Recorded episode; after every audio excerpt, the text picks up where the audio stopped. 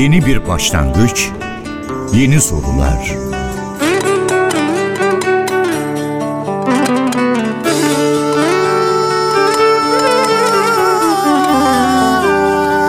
Yeni bir yolculuk,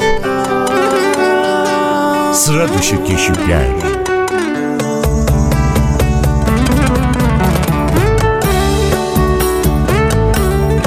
Az bilinen hikayeler,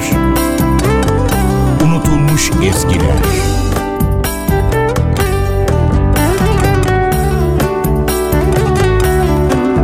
Kadim sesler, uzak coğrafyalar.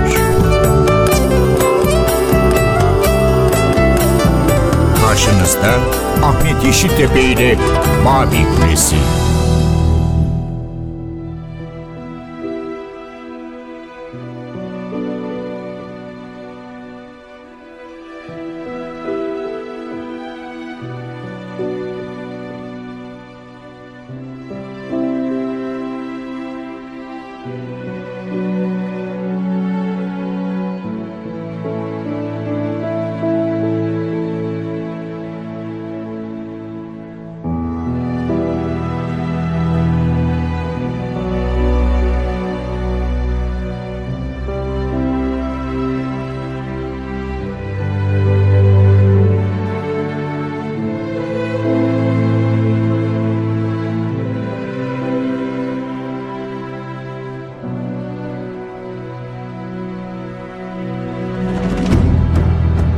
İnsanlık tarihiyle yaşıt kölelik. Bir insanın başka birinin mülkü olarak kullanılması.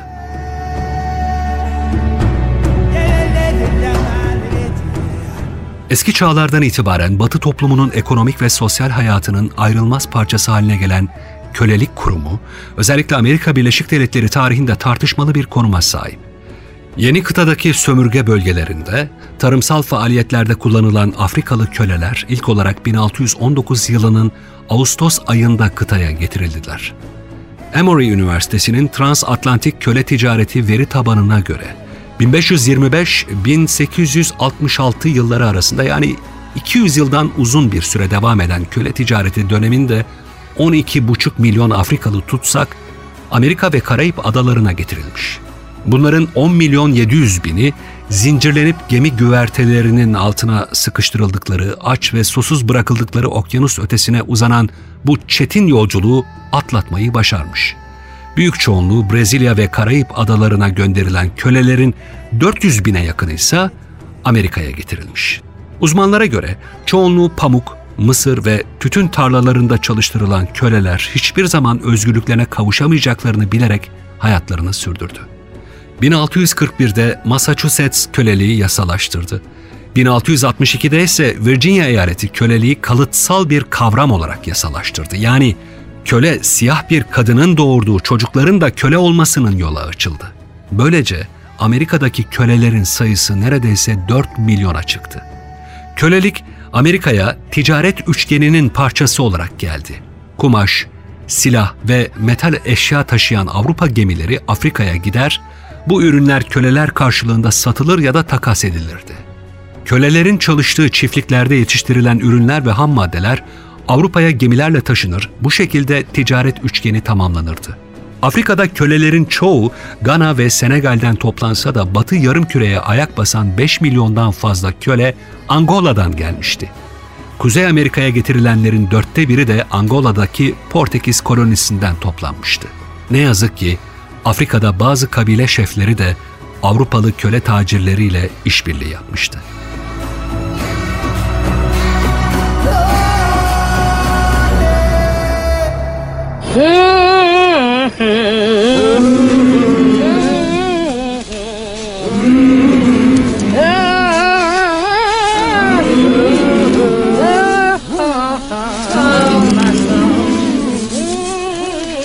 That cop. Move along now. Come on, Ellis. Drive them niggas. Pick that gun. Move along now. Here. What you doing, boy? Come on. 240 for Bob. Sun gon' set here. Sun down mountain. Sun gon' set here. Sun down mountain. Sun Get him water. Kölelik, İngiltere'den 1783'te bağımsızlığını ilan eden Amerikan kolonilerinin inşa edilmesine büyük katkı sağladı. Amerikan ekonomisini yükselten bu kurum, insanlık adına utanç verici bir sistemin 19. yüzyılın ortalarına kadar yasal çerçevede yaşamasını sağladı. Nigga, get up!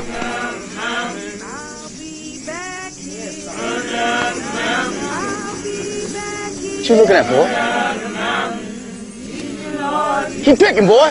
Amerikan başkanlarından Abraham Lincoln, 1 Ocak 1863 tarihi itibarıyla Amerika Konfedere Devletleri'nde yaşayan siyahi kölelere özgürlük ilan eden başkanlık emrini yani özgürlük bildirgesini yayınladı. Ancak bunun yerleşik hayata geçmesi hiç de kolay olmadı. İç savaşın daha da alevlenmesine sebep olan bildirgeyi sonunda Teksas'ta kabul etmek zorunda kaldı. 19 Haziran 1865 tarihinde Teksas'a giren Kuzeyli Birlik Kuvvetleri Komutanı Tümgeneral Gordon Granger, köleliği kaldıran yasanın bu bölgeyi de kapsadığını ilan etti. Kararın duyurulmasından bir yıl sonra resmi bir kutlama organize edildi. Bu kutlamaya İngilizce'de Haziran anlamına gelen June ve 19. anlamına gelen 19th kelimelerinin birleştirilmesiyle oluşan Juneteenth adı verildi. Uzun yıllar boyunca bu tarihi günün bir resmi kutlama ve tatil gününe dönüştürülmesini isteyen Amerikalı siyahlar bu hedeflerine zorlu bir yasal mücadele sonunda ulaşabildiler.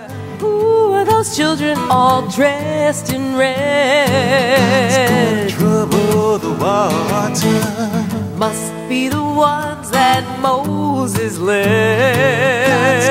trouble the water.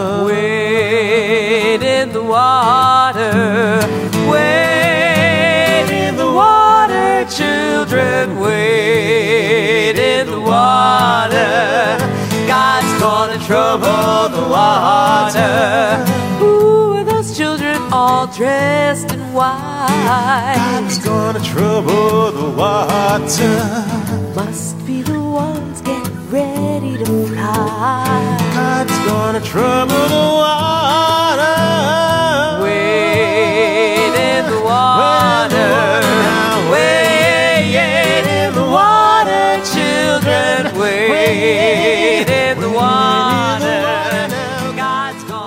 Babil Kulesi'ne hoş geldiniz.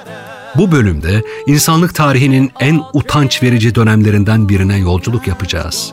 Aslında yakın tarihin en acı sayfalarından birini açacağız demek doğru olacak. Çünkü kölelik kurumu insanlığın tarihiyle yaşıt, kökleri binlerce yıl öncesine giden bir sistem. Biz bu acı tarihin belirli bir coğrafyada, belirli bir döneme denk gelen hikayesini anlatacağız. Nedenlerini, etkilerini, yarattığı ekonomik, siyasi ve en önemlisi sosyo-kültürel dönüşümleri ele alacağız. Kuzey Amerika'da yaklaşık 250 yıl süre yasal bir çerçevesi bulunan ve hukuk kaidelerine uygun şekilde sürdürülen kölelik sistemini, bu sistemin bugün Amerikan toplumu kadar dünya halkları ve evrensel hukuk üzerindeki etkisini tarihi perspektif içerisinde ama insan öykülerine de başvurarak anlatmaya çalışacağız.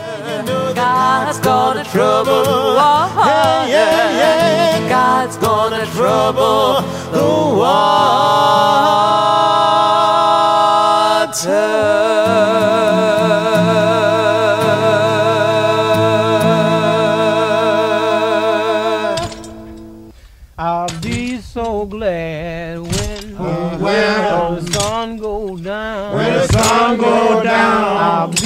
so glad when, ah, when the sun go down. When the sun go down. I ain't all that sleepy, but uh-huh. I wanna lie down. But I wanna lie down. I ain't all that sleepy, but uh-huh. I wanna lie down. But I wanna lie down. I wanna lie down, baby. I wanna lie down. I wanna lie down. I ain't all that sleepy, but lie down. Wanna lie down. Oh, what got the matter, baby? Yeah, I can't see. Amerika Birleşik Devletleri'nde kölelik 1619 yılında başladı. Yerel düzeyde her zaman yasal bir çerçeve içerisinde değerlendirildi. Kölelik kurumu ileriki tarihlerde bu ülkenin varoluş sürecine de dahil edildi. Hem de aynı yasal zemin korunarak. Kölelik 1776'da Amerikan ulusunun doğuşundan 1865 yılındaki anayasal değişiklikle kaldırılana kadar çoğunlukla Afrikalı ve Afro-Amerikalılardan oluşan taşınır mal statüsünde yasal bir kurumdu. Kölelik erken sömürge günlerinden itibaren İngiliz Amerikası'nda uygulanıyordu ve 1776'da bağımsızlık bildirgesi zamanında 13 kolonide yasaldı. Köleleştirilmiş bir kişi yasal olarak bir tür maldı ve diğer kişisel mallar gibi satın alınabilir, satılabilir veya devredilebilirdi. Bir at gibi yetenekli köleleştirilmiş bir insan çalıştırılabilir ve yeni köleleştirilmiş insanların üretimi için yetiştirilebilirdi. Aynı tıpkı hayvanlar gibi. Kölelik 1865'e kadar eyaletlerin yaklaşık yarısında sürdü. Ekonomik bir sistem olarak kölelik büyük ölçüde kiralama yöntemiyle değiştirilmeye başlandı. Şimdi en başa döneceğiz ve bu dramatik hikayenin nasıl başladığını anlatacağız.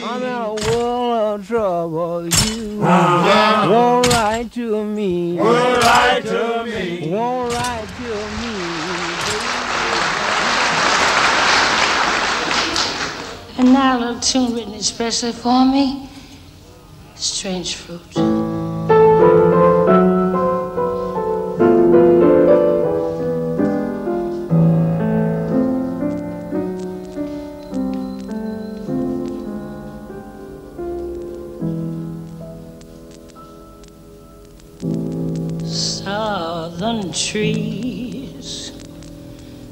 Bear strange fruit. Blood on the leaves and blood at the root. Black bodies swinging in the southern breeze. İngiliz korsan gemisi White Lion yani Beyaz Aslan 1619 yılı Ağustos ayı sonlarında Amerika'nın doğu kıyısındaki Chesapeake körfezinin ağzındaki Comfort burnuna demir attı. Gemi el yazması kayıtlara göre Meksika'ya gitmekte olan bir Portekiz gemisinden zorla alıkonulan 20'den fazla Afrikalıyı Comfort burnuna bıraktı. Angola'dan gelen bu tutsaklar koloni döneminde Virginia'ya ayak basan ilk Afrikalılardı. Bu Afrikalıların 400 yıl önce Virginia'ya gelişi Amerika'da 200 yıldan uzun süre ayakta kalan kölelik kurumunun başlangıcı sayılıyor. Emory Üniversitesi'nin transatlantik köle ticareti veri tabanına göre 1525-1866 yılları arasında 12,5 milyon Afrikalı tutsak Amerika ve Karayip adalarına doğru yola çıkan gemilere bindirildi. Bunların yaklaşık 10 milyon 700 bini zincirlenip gemi güvertelerinin altına sıkıştırıldıkları, aç ve susuz bırakıldıkları okyanus ötesine uzanan çetin yolculuğu atlatmayı başardı. Büyük çoğunluğu Brezilya ve Karayip adalarına gönderilen kölelerin 400 bine yakını ise Kuzey Amerika'ya getirildi. Yerel bir tarih grubu olan Proje 1619'un başkanı Calvin Pearson, Amerika'ya ayak basan ilk Afrikalıların hayat boyu köleliğe mahkum olduklarını, Virginia'nın Hampton kasabası gibi yerlerdeki zengin çiftlik sahiplerine satıldıklarını ya da James Nehri kıyısındaki yerleşim bölgesine götürüldüklerini söylüyor. Pearson'a göre mısır ve tütün tarlalarında çalıştırılan köleler hiçbir zaman özgürlüklerine kavuşamayacaklarını bilerek hayatlarını sürdürmüştü.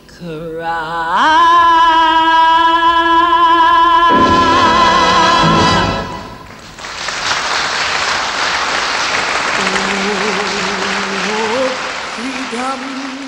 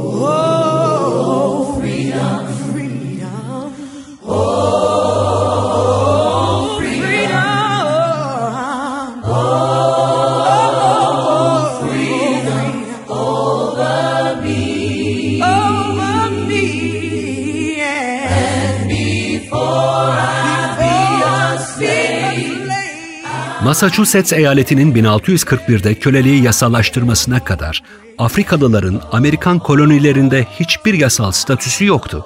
Köleliği kalıtsal olarak yasalaştıran Virginia eyaleti ise 1662 yılında geçirdiği yasayla köle siyah bir kadının doğurduğu çocukların da köle olmasını öngörüyordu. Böylelikle Amerika'daki kölelerin sayısı neredeyse 4 milyona çıktı. Kölelerin çalıştırıldıkları işletmelerden kaçması sıkça rastlanan bir durumdu. İşte bu durumda kaçan köleler en vahşi yöntemlerle cezalandırılıyordu. Kaçağın arkasına düşülüyor, yakalandığındaysa kolları kesilerek bedeni kızgın zifte atılıyor, daha sonra da asılıyordu. Bu durum aynı zamanda kaçmayı düşünen diğer kölelere de bir gözdağı olarak düşünülüyordu. Kölecilik kısa süre içerisinde o kadar yaygınlaştı ki köle nüfusunda adeta bir patlama yaşandı. 1700'de Virginia'da 16 bin kadar köle kullanılırken 1770'lerde bu sayı 187 bine kadar yükseliyordu. Yine Güney Carolina'da kurulan tarım çiftliklerinde 1775'te 100 bin kişilik tarım nüfusunun sadece 25 bini beyazdı. Yani dörtte üçü siyahlardan oluşuyordu nüfusun. Ama bu çiftliklerin denetimi ve buralardan elde edilen gelirler beyazlarındı. Beyaz efendilerin çıkarlarını korumak ve siyahların efendilerine karşı herhangi bir girişimlerini önlemek için çeşitli önlemler alınıyor ve siyahların işledikleri suçlar en ağır yöntemlerle cezalandırılıyordu. Bu koşullarda oluşturulan tarım çiftliklerinde ve işletmelerinde çok sayıda kölenin beyazlar tarafından çalıştırılmasının bir sonucu olarak beyazların zenginlikleri hızla arttı. Went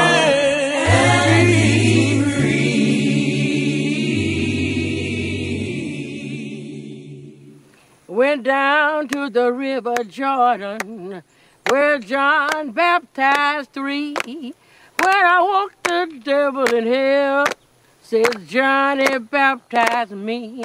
I say, roll, Jordan, roll. Oh, now roll, Jordan, roll. My soul will rise in heaven, Lord, for the year Jordan roll. Well, some say John was a Baptist. Some say, some say John was a Jew. I believe. But I say John was a preacher, cause my Bible says so too. I say, roll, Jordan, roll. Roll, Jordan, roll.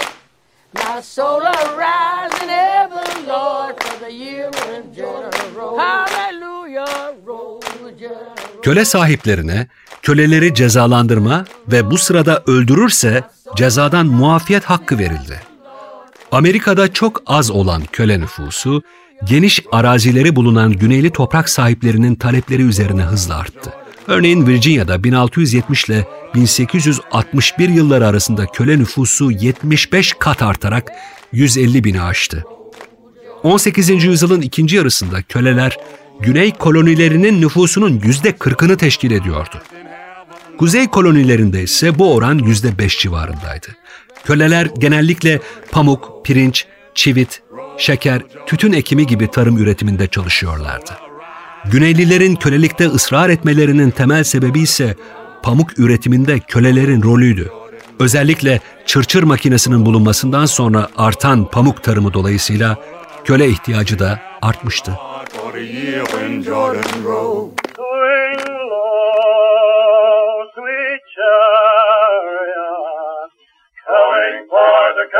mia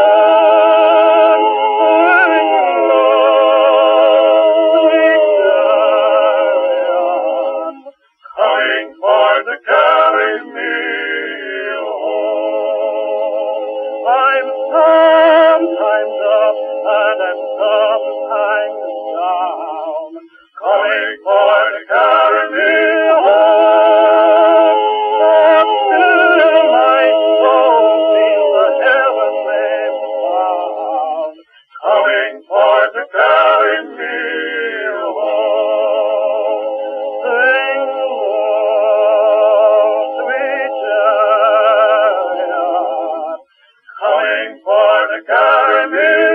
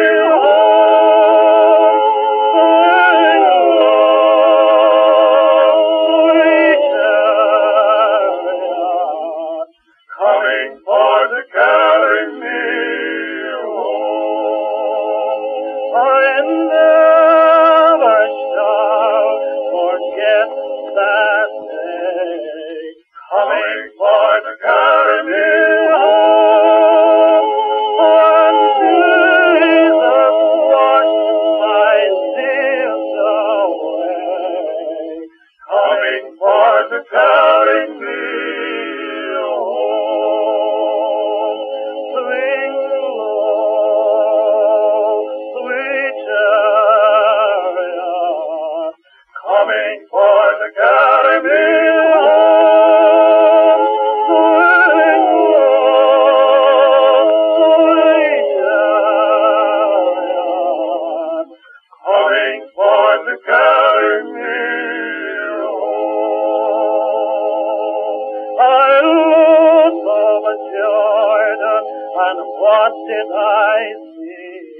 Kölelik en başta da belirttiğimiz gibi Amerika'ya, özellikle Kuzey Amerika'ya ticaret üçgeninin parçası olarak geldi.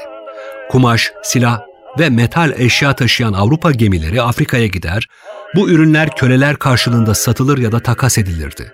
Afrika'nın batı kıyılarından toplanan köleler Karayipler ve Amerika'ya getirilip şeker, pirinç, pamuk ve tütün tarlalarında çalıştırılırdı. Yetiştirilen bu ham maddelerin Avrupa'ya gemilerle gönderilmesi ticaret üçgenini tamamlardı. Afrika'da kölelerin çoğu Gana ve Senegal'den toplansa da Batı yarımküreye ayak basan 5 milyondan fazla köle Angola'dan gelmişti. Kuzey Amerika'ya gönderilen yaklaşık 400 bin Afrikalının dörtte biri köle ticaretine 10 yıllar boyunca hakim olan Portekizliler tarafından koloni haline getirilen Angola'dan toplanmıştı.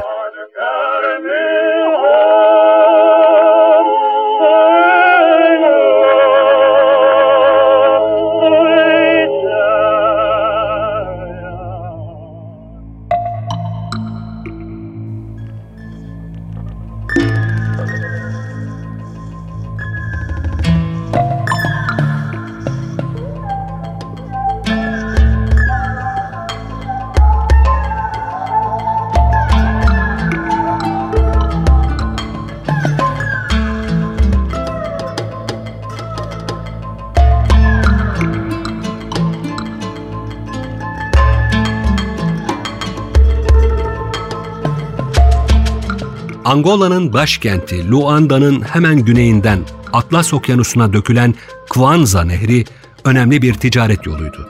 En çok nehrin yataklarında yaşayanlar köle ticaretinin kurbanları oluyordu.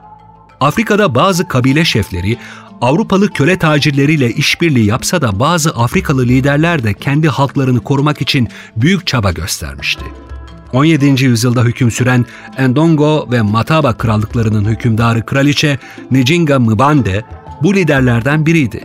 Hem savaşçı hem de diplomat olan kraliçe Njinga Mbande 40 yıllık hükümdarlığı boyunca Portekizli ve Hollandalı köle tacirlerini halkından uzak tutmuş ancak özellikle Portekizli köle tacirleri tüm önlemlere, direnişe ve savaş haline rağmen Batı Afrika'da siyahları tıpkı bir hayvan avına çıkmış gibi toplamaya devam etmişti.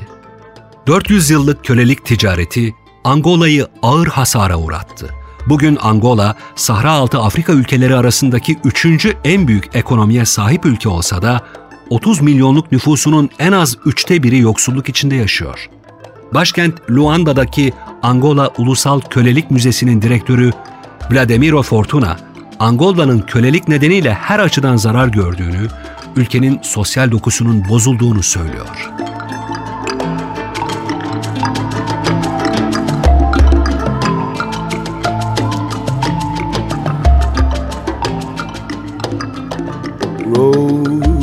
Jordan, roll, roll, Jordan, roll. I want to get to heaven when I die to hear old Jordan roll. Roll, Jordan, roll, Jordan, roll, Jordan, roll. Oh, I want to get to heaven when I die to hear old Jordan roll. My brother, you ought to been there. Yes, my Lord. is Sitting in the kingdom to see old Jordan roll.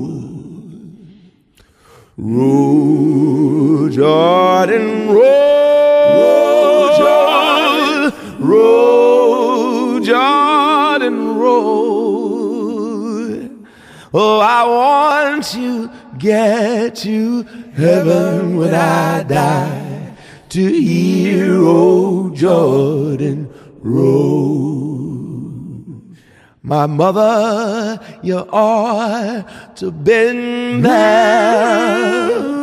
Yes, Kölelik, İngiltere'den 1783'te bağımsızlığını ilan eden Amerikan kolonilerinin inşa edilmesine çok büyük katkıda bulundu. Norfolk State Üniversitesi'nden tarihçi Cassandra Newby Alexander, o dönemde Amerikan ekonomisi açısından çok önemli olan kölelik kurumunun Amerika'daki tüm sanayi kollarının toplamından daha değerli olduğunu belirtiyor. Yazar Ta-Nehisi Coates, 2014'te The Atlantic dergisi için kaleme aldığı bir makalede, İç savaştan hemen önce 1860'da Amerika'daki yaklaşık 4 milyon kölenin değerinin 3,5 milyar doları aştığını ve bunun o dönemde demir yolları, imalat sektörleri dahil Amerikan ekonomisinin tamamı içindeki en büyük mali varlık olduğunu aktarıyor. To see old Jordan roll. Go down, Moses, way down in Egypt land.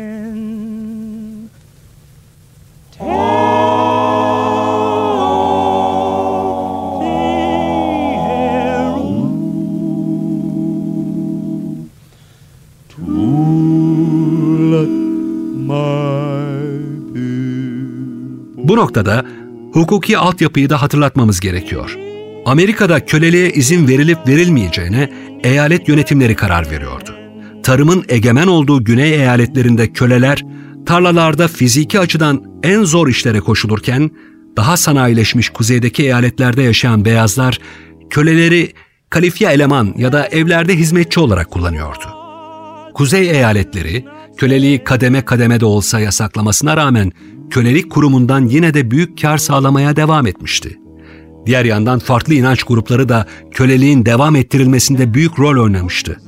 Episkopal Kilisesi özellikle 1600'lü yılların sonuyla 1700'lü yılların başında kölelik faaliyetlerinden doğrudan kar elde etmişti. Bunun nedeni kilise mensuplarının yaptıkları bağışların köle ticaretinden elde edilen kar payına dayanmasıydı.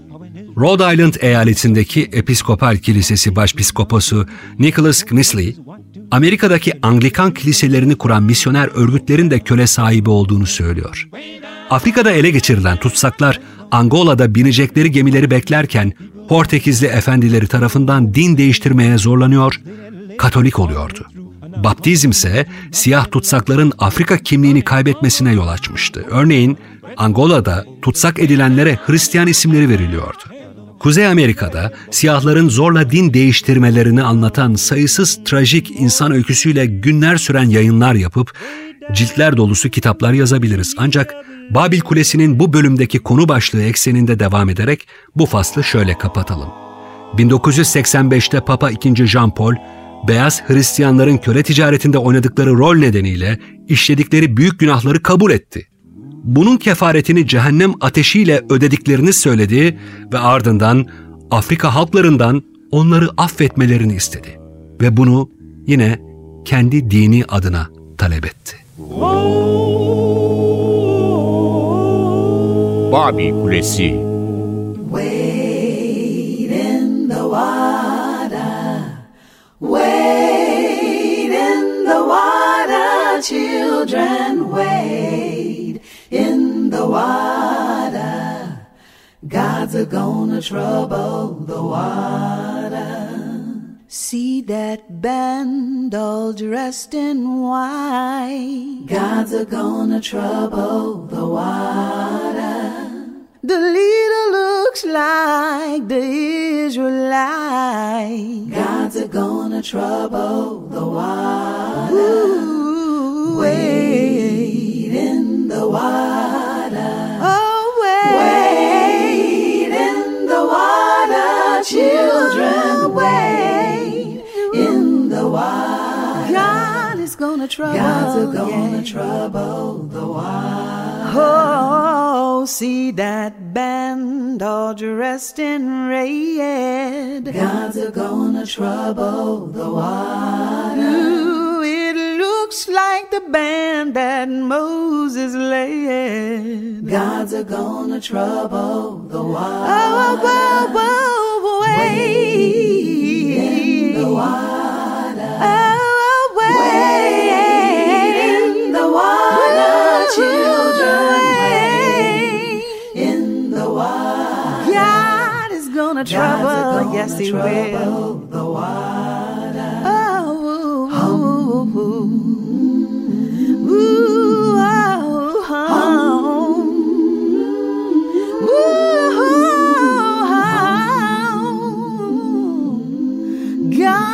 Gonna trouble. God's gonna trouble the water. There's healing in the water. Yeah, yeah, yeah, yeah. The water. Deliverance in the water. God's gonna trouble the water. My God is gonna trouble. Gonna trouble, gonna trouble the water.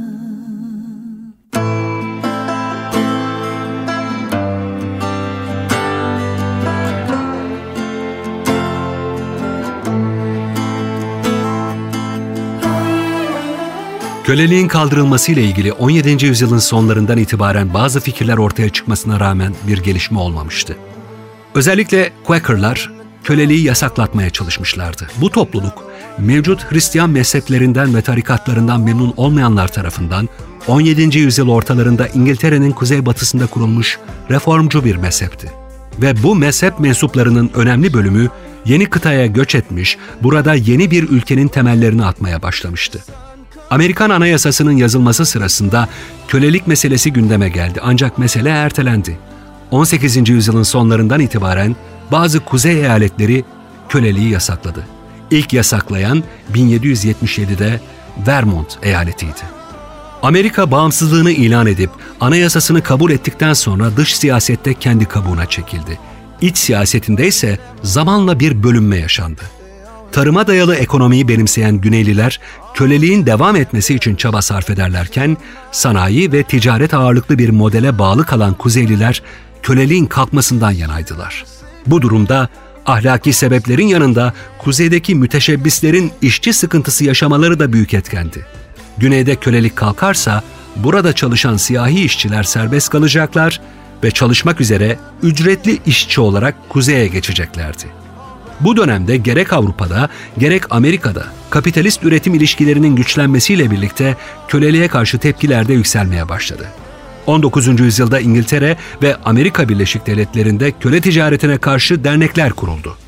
1804'te Maryland'in kuzeyindeki eyaletler köleliğin kaldırılmasına karar verdi. 1807 ve 8 yıllarında İngiltere ve Amerika Birleşik Devletleri'nde köle ticareti yasaklandı 1833'te İngiliz sömürgelerinde kölelik kaldırıldı. 1846'da ise Amerika Birleşik Devletleri'nin özgürlük yanlısı eyaletlerinde yani kuzeyde hiç köle kalmamıştı. Ama kuzey ile güney arasında bu mesele büyük bir gerilime sebep oluyordu.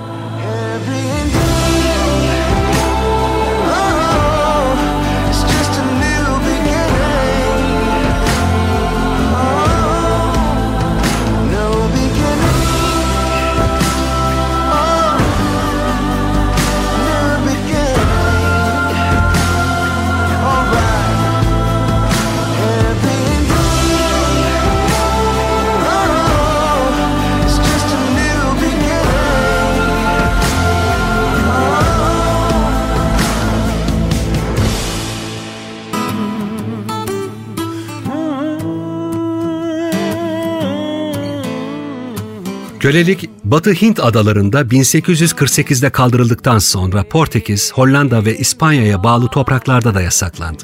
Ne var ki Amerika Birleşik Devletleri'nin güney eyaletleri bu akımın dışında kaldı. Buradaki büyük pamuk plantasyonları için kölelerin yaşamsal bir önemi vardı.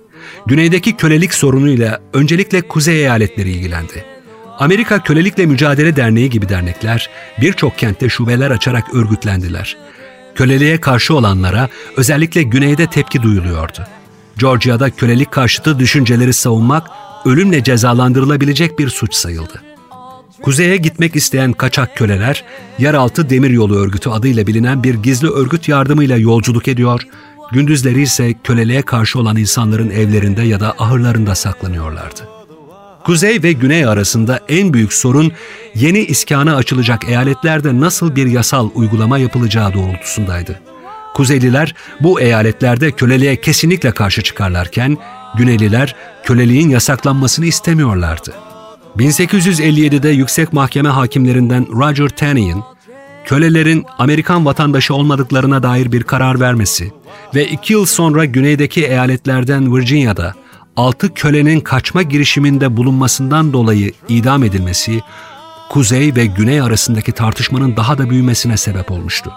Kölelikle ilgili önemli bir dönüm noktası olan 1854'teki Kansas-Nebraska yasa tasarısına Demokratlar ve Güneyliler destek verirken, kölelik karşıtı demokratların ve eski Whig Partisi üyelerinin kurduğu Cumhuriyetçi Parti şiddetle karşı çıktı. Cumhuriyetçi Partili kölelik karşıtı Abraham Lincoln, 1860 seçimlerini kazanınca Güneyli eyaletler Amerika Konfedere Devletleri adında yeni bir devlet kurdular. 19 Haziran 1862'de kölelik Amerika Birleşik Devletleri genelinde yasaklandı. Ancak güneydeki eyaletler bu yasağa uymayı reddettiler. Kuzeylilerin oluşturduğu federasyona bağlı 23, Güneylilerin meydana getirdiği konfederasyona bağlı ise 11 eyalet vardı. Amerika İç Savaşı 1861-1865 yılları arasında 4 yıl sürdü. God's gonna trouble the water.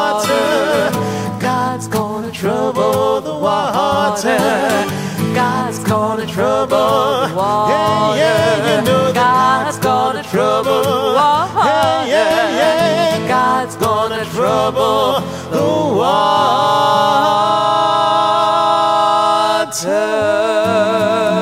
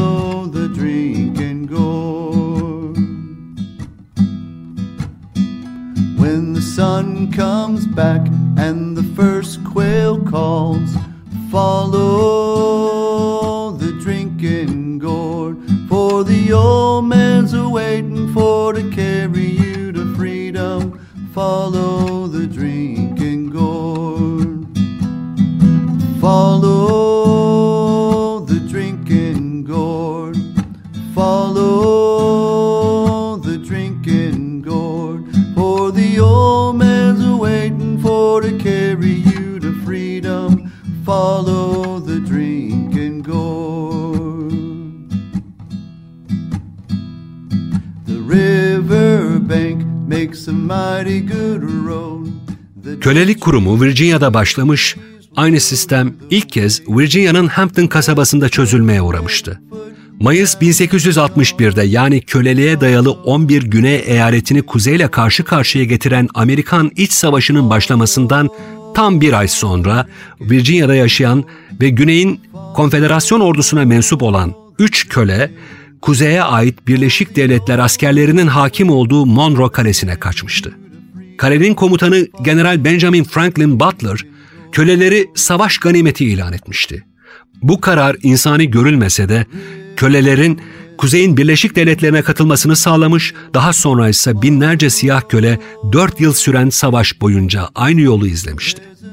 Dönemin başkanı Abraham Lincoln 1863 yılı başındaysa köleliğin sona erdirildiğini açıklayan bildirgeyi imzalamıştı. Bildirgeye göre konfederasyon yani güney eyaletlerinde yaşayan tüm köleler serbest bırakılmıştı. Bu adım Amerikan Anayasası'nda yapılan 13. yasa değişikliği ile köleliğin kaldırılmasının 14. yasa değişikliği ile de 1866'da eski kölelere vatandaşlık verilmesinin yolunu açtı.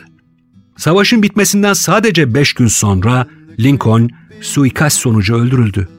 İç savaş öncesinde köle sayısı 4 milyona ulaşmıştı. Tam bu dönemde kölelik kalkınca Amerika Birleşik Devletleri'nin güney eyaletlerinden Tennessee'de 1865'te siyahi düşmanlığının en önemli simgesi olan Ku Klux Klan kuruldu. İlginç bir not da Monroe Kalesi hakkında. Kale 2011 yılı Eylül ayında askeri yerleşke olmaktan çıkarıldı. Bundan iki ay sonra da dönemin başkanı Barack Obama kalenin bundan böyle ulusal anıt olduğunu ilan etti.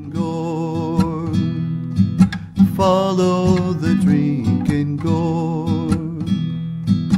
Follow the drink and go. Ah! Put your bad self. Say it louder. Say it louder. Here. Some people say we got a lot of malice. Some say it's a lot of. But I say we won't quit moving until we get what we deserve.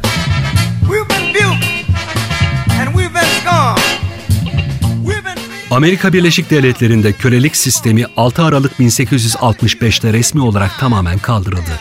Aynı yılın 19 Haziran'ında ise son kale olan Teksas'ta da yürürlüğe girdi. Ancak siyahlara yönelik ayrımcılık bu ülkede uzun bir süre tüm şiddetiyle devam etti. Bugün bile siyahlar beyazlara kıyasla çok daha kötü koşullarda yaşam savaşı veriyorlar. Belki kölelik kurumu kaldırıldı. Ancak kapitalizmin bir ürünü olan ırkçılık kabusunun dünyada farklı şekil ve tanımlar altında devam ettiği aşikar. Üstelik bu durum sadece siyahlar için değil, tüm insanlık için geçerli.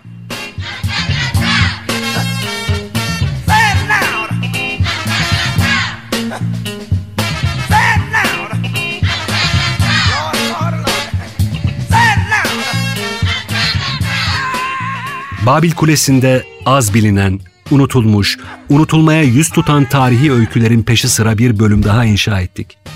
Bu programı Atilla Özdal'la birlikte hazırlıyoruz. Zaman ve şartlar el verdiği sürece NTV Radyo'da karşınızda oluyoruz. Yeniden yeni öykülerde, renkli ve farklı öykülerde buluşmak ümidiyle hoşça kalın. Özgürlüğün anlamını ve değerini yaşayarak, yaşatarak kalın. Hold on to me. Don't let me go. Cares what they see? Who cares what they know? Your first name is free, last name is dumb. But you still believe in where we're from.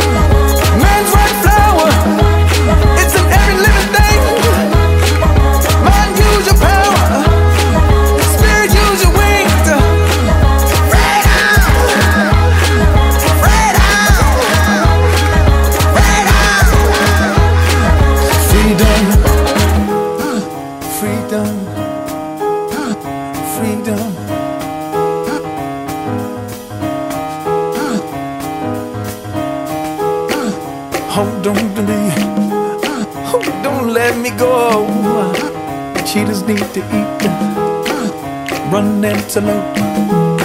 Your first name is King. Last name is Dumb. Cause you still believe